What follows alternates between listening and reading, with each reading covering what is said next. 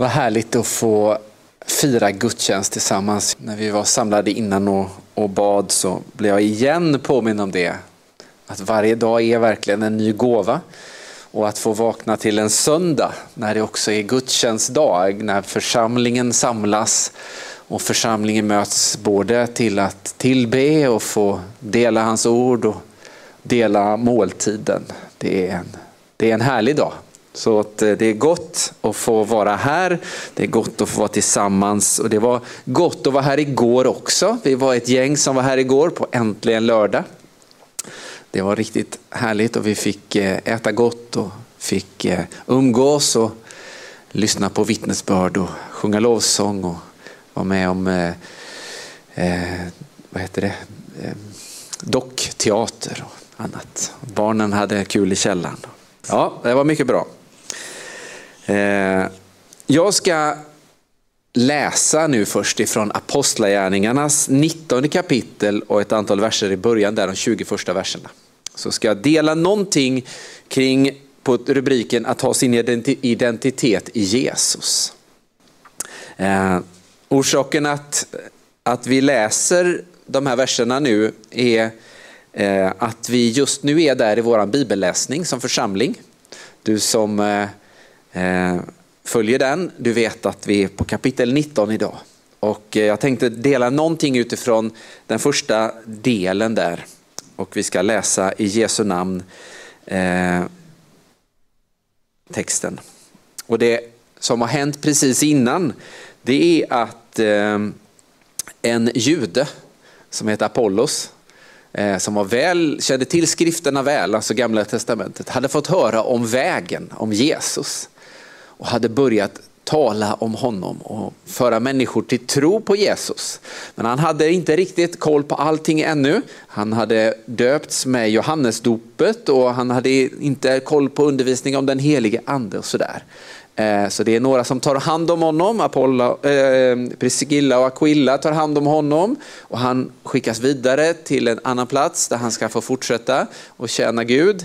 Eh, och så kommer Paulus till Efesos där, där Apollos har varit och eh, möter de här som han har fått, eh, som har tagit emot Jesus men som inte riktigt har fått hela undervisningen ännu. Så där börjar vi och så ska vi läsa lite tillsammans. Medan Apollos var i Korint kom Paulus fram till Efesos efter sin resa genom inlandet. Där träffade han några lärjungar och frågade dem, tog ni emot den helige anden när ni kom till tro? Nej, svarade de, vi har inte hört talas om att, eh, den, om den helige, att den heliga ande finns. Men på vilket sätt är ni döpta då? frågade han. De svarade, med Johannes dop. Då förklarade Paulus för dem att Johannes dop var ett omvändelsedop och att Johannes också uppmanade folket att tro på Jesus, den som kom efter honom. När de hörde detta lät de döpa sig i Herren Jesu namn och då Paulus la sina händer på dem kom den heliga anden över dem och de talade olika språk och profeterade. Tillsammans var det cirka tolv män där. Under tre månaders tid undervisade sedan Paulus regelbundet i synagogan. Han talade öppet och med stort mod och försökte övertyga dem om Guds rike. Men några avvisade hans budskap. De ville inte tro utan hånade vägen eh, inför alla som var där. Därför lämnade Paulus dem och höll sina lärjungar borta därifrån. De samlades istället i Tyrannos föreläsningssal där Paulus undervisade varje dag. Detta pågick i två års tid så att alla i provinsen Asien, både judar och greker, fick höra budskapet om Herren. Gud gjorde ovanliga under genom Paulus. Man tog till och med dukar och klädesplagg som hade varit i beröring med hans kropp och lade dem på de sjuka. Då försvann sjukdomarna och de onda andarna lämnade dem. En grupp kringvandrande judiska andeutdrivare fick då för sig att de skulle uttala Herren Jesu namn över de som var besatta av onda andar. De sa, jag besvär er vid den eh, Jesus som Paulus talar om. Det var sju män, söner till den judiska översteprästen Skeuas, som försökte sig på detta. Men den onda anden svarade dem, jag känner till Jesus och vet, vem vet om Paulus, men vilka är ni? Och sedan kastade sig mannen som var besatt av den onda anden över dem alla och slog dem så att de var tvungna att fly ut ur huset nakna och blodiga. Detta blev känt bland både judar och greker i hela Efesos och alla i staden blev helt förskräckta och hyllade Herren Jesus. Många av de troende kom nu och bekände öppet vad de hade gjort och många av dem som sysslat med trolldom plockade fram sina böcker och brände dem offentligt. Någon räknade ut att böckerna var värda ungefär 50 000 dagslöner. Så, budskap, så fick budskapet om Herren allt mer kraft, ökad framgång och styrka. Amen. Vilket, eh, vilket arbete Paulus fick stå i, vilken, eh, vilken rörelse och vad, vad eh, ehm, ja, man ser att, att det är, finns liksom det finns saker att ta i för Paulus. Det är liksom saker som behöver korrigeras i undervisningen här som har varit före. Han behöver förklara för dem om, om, om att det är Jesus som Johannes undervisade om och att det fanns ett annat dop, dopet i Jesu namn och att det fanns en helig ande, fick han också undervisa dem. Alltså det, var, det fanns en, en början till en förkunnelse här som, som var bra, men eh, han fick korrigera saker. Och sen fick han vara där och det blev, han fortsatte att undervisa de här skriftlärda, de jud, judarna som samlades i synagogan. Eh, de, de läste ju skrifterna, de kände ju skrifterna.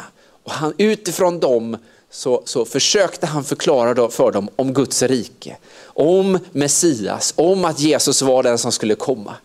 Men och det var, no, det var de som kom till tro, men det var också de som började förlöj, förlöjliga dem och, och driva med dem. Och då tog han, gick han därifrån, tog med sig de troende eh, som hade kommit till tro på Jesus och så samlades de på en annan plats i den här föreläsningssalen.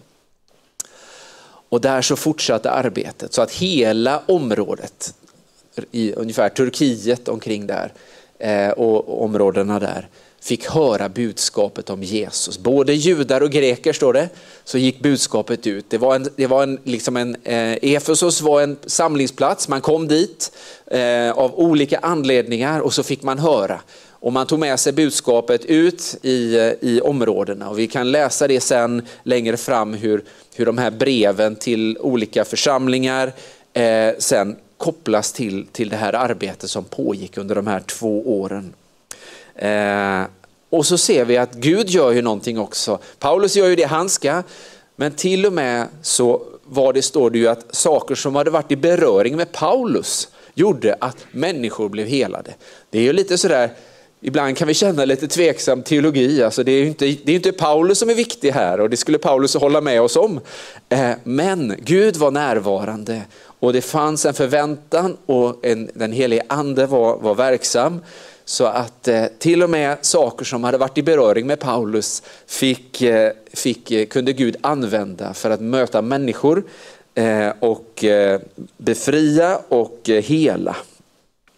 Och så kommer den här gruppen judiska andutdrivare eh, och kommer på att det verkar ju vara någonting här och försöker använda namnet Jesus som en magisk formel på sin ungefär eh, men inte ha någonting bakom. Inte själva har mött, inte själva har tagit emot, inte själva har, har bekänt honom som Herre, låtit döpa sig och få ta emot en helig ande. Utan bara använda Jesus, använda det här namnet. Så kommer den här citatet när de gör det. Från, från den här eh, besatte mannen, eller den onda anden står det. Jag känner till Jesus och vet vem Paulus är men vilka är ni? Och vi kan ju se det när Jesus rörde sig bland folk eller bland människor, hur och på samma reaktion kom där, att, att de visste vem Jesus var. Och här ser vi också att de visste vem Paulus var. Och det säger mig någonting, att i när vi har en relation med Gud, när vi har tagit emot honom i våra liv, när den helige ande har fått flytta in, då har vi en identitet som är, är, är stark, en identitet som är känd. Vi tillhör honom, vi tillhör Jesus, vi är inte att leka med. Eh, men vilka är ni? Säger han till de här judiska andutgivarna. De har säkert mycket erfarenheter och de hade massa, eftersom de var andutgivare så hade de liksom antagligen jobbat med detta på något sätt innan. Men, men nu när de gör detta, de har ingen auktoritet bakom att säga, använda namnet Jesus. För de tillhörde inte honom, de hade inte tagit emot honom. De hade ingen identitet i honom. Eh, är vi kända eller är vi okända? Är det någonting bakom eller vad är det som, vilka är vi? Vad är vår identitet? Eh, om man ska backa från lite det här som vi läste om nu eh, och prata lite mer allmänt om identitet så behöver vi ju en, en identitet, vi behöver kunna identifiera oss många tillfällen. Eh, ibland så för att kunna hämta ut ett paket eller för att presentera sig så får man berätta vem man är. Man får visa ett ID-kort för att kunna hämta ut paketet eller göra bankärenden eller rösta i val eller, eller många olika anledningar så kan vi behöva bekräfta vilka vi är. Och det gör vi på lite olika sätt. Eh, men det här med identitet, det är en svår fråga. Jag kan känna att under min tid som, jag, som man kan greppa, liksom det, det, finns ju mycket mer tid än det man själv har överblick över, men det man ändå har varit med om och, och sett, så har detta med identitet blivit rörigare på något sätt. Eh, jag vet att under i, i, i yrkeslivet innan Eh, läste till pastor i, i IT-branschen så handlar det väldigt mycket om varumärke, att bygga sitt varumärke. Att, eh, att vem är jag? Alltså har liksom, eh, har, jag, jag kan databaser eller jag kan, kan ja, vad det nu var, exchange-servrar eller vad det nu kunde vara. Om ni, ni som vet, ni vet. Och då blev man liksom, det är min identitet. Att jag kan det här och det kan jag liksom eh, vara. Då blir det liksom en del i den som jag presenterar mig som. Och kan mer och mer, liksom, ja men sån är jag. Jag är en sån kille som kan databaser kanske. Eh, men det kan också handla om att eh, vilka är vi som människor? Eh, vi uppmuntras idag att experimentera mycket mer med, med identiteter, pröva vad som känns bra. Alltså att hitta någonting som, som, som, som hittar en identitet på något sätt eh, och pröva oss fram. Eh, det talas om att vara unik. Men jag kan känna att när jag följer och ser vad som händer så handlar det ju mycket mer om att hitta något att härma, något att kopiera eh, att, att göra likadant och försöka hitta någonting som, som jag då väljer att identifiera mig med. Men vem är jag? Är jag bara ett blankt papper som kan fyllas med vad som helst? Eller finns det någonting nedlagt i mig som människa som är unikt, som, är, som jag är skapad till, som är min identitet? Eh, jag brukar när jag brukar presentera mig, ibland så ska man skriva kanske någon sån här kort beskrivning i, i, olika sammanhang, kanske två meningar eller någonting och då ska man liksom sammanfatta. Och då försöker jag, har jag brukat göra så här att jag börjar med att jag Jesu lärjunge, Elisabets man, Emanuel, Esaias, Johannes, evangelins pappa, pojk, eh, son till Arno och Anita, pastor, löpare. Eh, det är några saker som man kan, det är sant om mig. Alltså det här om du skulle, ja, jag är en kristen. Jag är gift med Elisabet. Jag har fyra fantastiska barn. Jag har två fanta fantastiska föräldrar. Eh, jag får vara pastor. Jag springer gärna. Och det, det är en beskrivning om, om, om mig. Eh, och om någonting av det där i våra liv som vi beskriver oss som, mitt yrke kanske, eller en relation, eller en, eh, en, en idrott eller en, ett, en hobby. Om det tas ifrån oss av någon anledning så, så kan det på, ge oss en kris i vår identitet. Vem är jag nu? Om jag inte längre är, eh, om jag inte längre kan springa och inte längre kan säga att jag är löpare, hur känns det? Hur påverkar det min identitet? Eh, om jag blir av med mitt jobb, om jag kanske går i pension eller jag blir uppsagd eh, eller av andra, andra anledningar blir av med mitt jobb. Hur mycket har jag knutit min identitet till det jag gör? Till det, det som är mitt yrke? Relationer. Om någonting går sönder i relationer, hur mycket har det identifierat mig som gör att jag blir osäker på vem är jag? Och så det första som jag nämnde, Jesu lärjunge. Det är ju någonting som står kvar.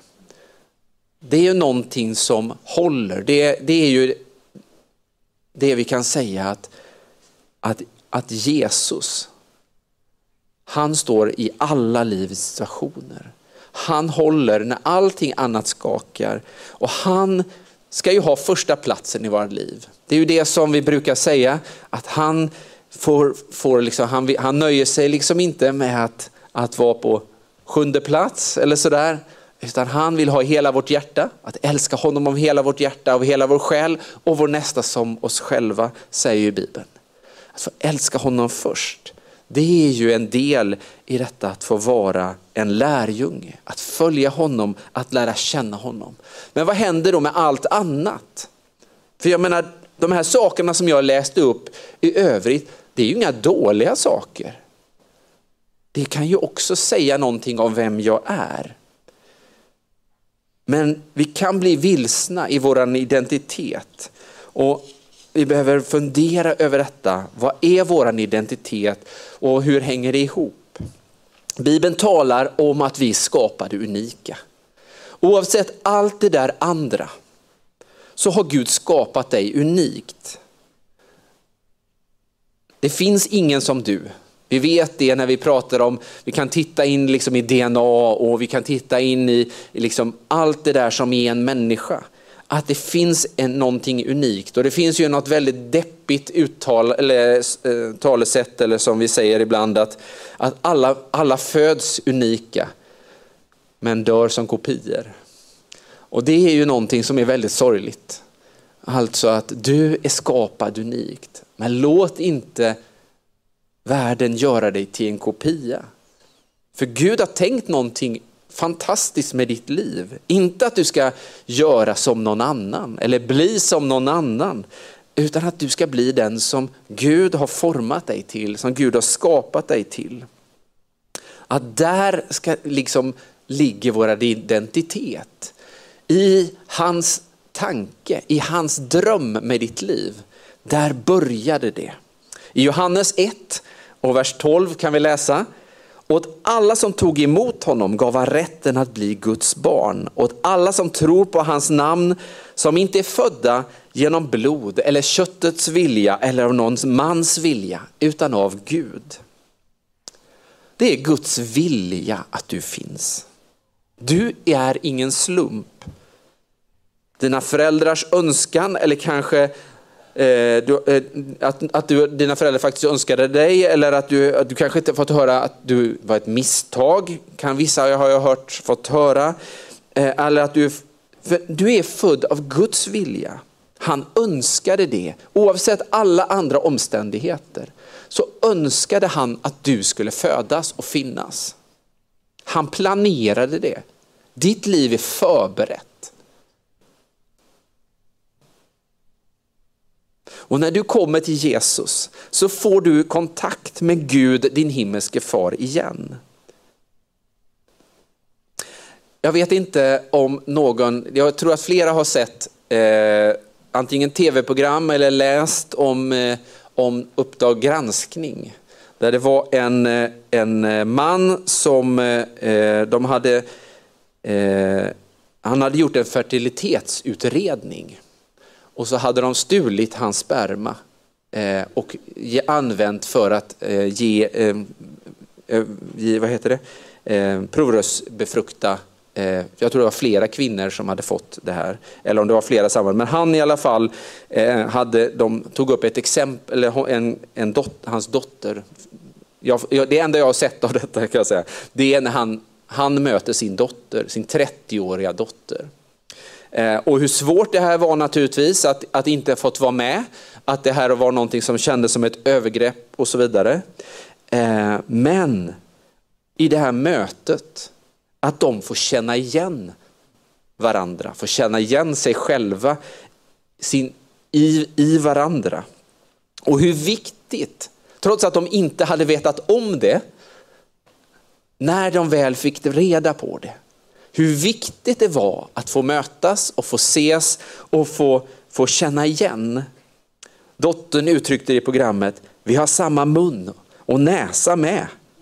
Igenkännandet blev viktigt. Att få träffa den där fadern som man inte hade haft kontakt med blev viktigt. Trots att hon nog hade haft ett bra liv, hade haft bra föräldrar, så blev ändå detta mötet, återknytandet med kontakten med sin biologiska pappa så viktigt för henne. Och när vi kommer till Gud så återförenas vi med honom som är vårt ursprung. Som har lagt ner allt i oss och som det får liksom bli en bekräftelse på den vi är skapade till. I andra Korintierbrevet 1 och 22 så säger eh, Paulus, han har satt sitt sigill på oss och gett oss anden som en säkerhet i våra hjärtan. När vi kommer till Gud så återknyts kontakten och vi får ta emot hans helige ande i oss igen. Den som vi skapade till, som vi formade för och den får liksom få den platsen den ska ha och få vara tecknet på vår tillhörighet till honom. Få vara vår säkerhet på det arv som vi har i Gud. Gud bekräftar att vi är hans genom att upprätta relationen igen. Den är sigillet, den är panten, den är säkerheten, den är vårt ID-kort eller pass på att vi tillhör ett annat land, tillhör Guds rike. Och Paulus säger i Romarbrevet 8, ni har inte fått en ande som förslavar er i rädsla. Nej, anden gör er till Guds egna barn som kan ropa till Gud, Abba, min far. Anden vittnar med vår ande att vi är Guds barn. Men om vi är Guds barn är vi också arvingar till Gud tillsammans med Kristus. Om vi lider med honom för att en dag få dela härligheten med honom. Anden gör oss till Guds egna barn. Precis som den förlorade sonen som fick komma hem och bekläs med manteln och ringen från fadern så får vi kallas att vara döttrar och söner i huset igen och kalla Gud för våran pappa. Det är våran identitet. Vi tillhör honom. Han som skapade oss unika, som söker oss och som längtar efter oss. Han som välkomnar oss hem och bekläder oss med anden för att vi ska få vara hans barn i den här tiden. I första Johannes 3 och början där. Tänk vilken kärlek Fadern har visat oss när vi får kallas Guds barn. Och det är vi verkligen. Världen känner oss inte därför att den inte har lärt känna honom. Mina kära, vi är redan nu Guds barn, men vad vi ska bli i framtiden har ännu inte uppenbarats. Men vi vet att när han uppenbarar sig så ska vi bli lika honom. För då får vi se honom som han är. Var och en som har detta hopp renas, eh, till honom rena sig själv så som han är ren. Det är på grund av Guds kärlek som vi får vara hans barn, som du är hans barn. Det var hans vilja, hans tanke, hans längtan, hans mål. Du är inte oönskad, inte ett misstag, inte en kopia. Du är en unik skapelse som ska få blomma, som ska få utvecklas. Och det står här att, att vad vi är nu, det vet vi, men vad vi ska bli, det vet vi inte. Men det finns någonting som Gud har lagt ner som ett frö i ditt liv som ska få blomma ut. Redan här, men ännu mer där. Det finns någonting som Gud har förberett, som bara han vet, som han ser fram emot tillsammans med dig, som är din identitet. Du som är unik och som i Fadern, Faderns ljus får liksom bryta det ljuset igenom ditt liv på ett helt unikt sätt, på ett sätt som bara du kan. När Guds ljus får lysa upp ditt inre så får det konsekvenser omkring dig som det inte får i någon annans, någon annans människas liv. Du kan lysa upp i sammanhang där ingen annan kan. Du kan få vara till välsignelse på ett sätt som ingen annan kan. För Gud har skapat dig perfekt för det som han kallar dig till. Din identitet är i honom och han längtar efter att du mer och mer ska bara få upptäcka vad han har lagt ner i dig, vad han har förberett i dig. Att få ta emot honom för första gången om du inte har gjort det och få ta emot hans heliga ande och sen få gå med honom och veta, inte bara hoppas eller liksom på ett, på ett luddigt sätt, lite oklart och, och hoppas att du får vara med, hoppas att du ska få räknas till skaran en gång, utan veta att du är Guds barn, att du tillhör honom, att ingen kan rycka dig ur hans hand, utan att du är trygg i din identitet i honom. Att få, få tillhöra Mästaren, att få bli lik honom betyder inte att bara att bli lik, att bli en kopia. När vi blir lika Jesus som vi längtar efter, då blir vi de som han har skapat oss till. Gud är så stor, brukar jag tänka. Gud är så stor att om vi blir en kopia av honom så blir vi unika. För att det går inte liksom, en människa kan inte bli, bli liksom en återspegling för helt och fullt av Gud. Men tillsammans kan vi, kan vi få återspegla Gud. Det talar ju Bibeln om. Hur vi tillsammans kan få tjäna, hur vi tillsammans kan få, få vara till välsignelse. Och då finns det kraft. Då kan vi vara med och förvandla ett samhälle. Precis som Efesos fick vara med om. När till och med Paulus kläder fick vara till välsignelse för människor. Då kan du vara frimodig. Att han bor i dig. Och där du finns, där finns Jesus. Där finns den helige ande, där finns Guds kraft och Guds möjligheter. Och han har sagt att, att vi ska få tala hans ord, att vi ska få förmedla hans kraft, att vi ska fortsätta att göra de gärningar som Jesus gjorde. Det har han lovat. För att människor ska få höra, att människor ska få lära känna honom och också få sin identitet i honom. Också få, få veta vilka de är i honom. Vi ber. Herre, vi tackar dig. Tackar dig Herre för att du har skapat oss så underbart Herre, som vi läser i Saltaren.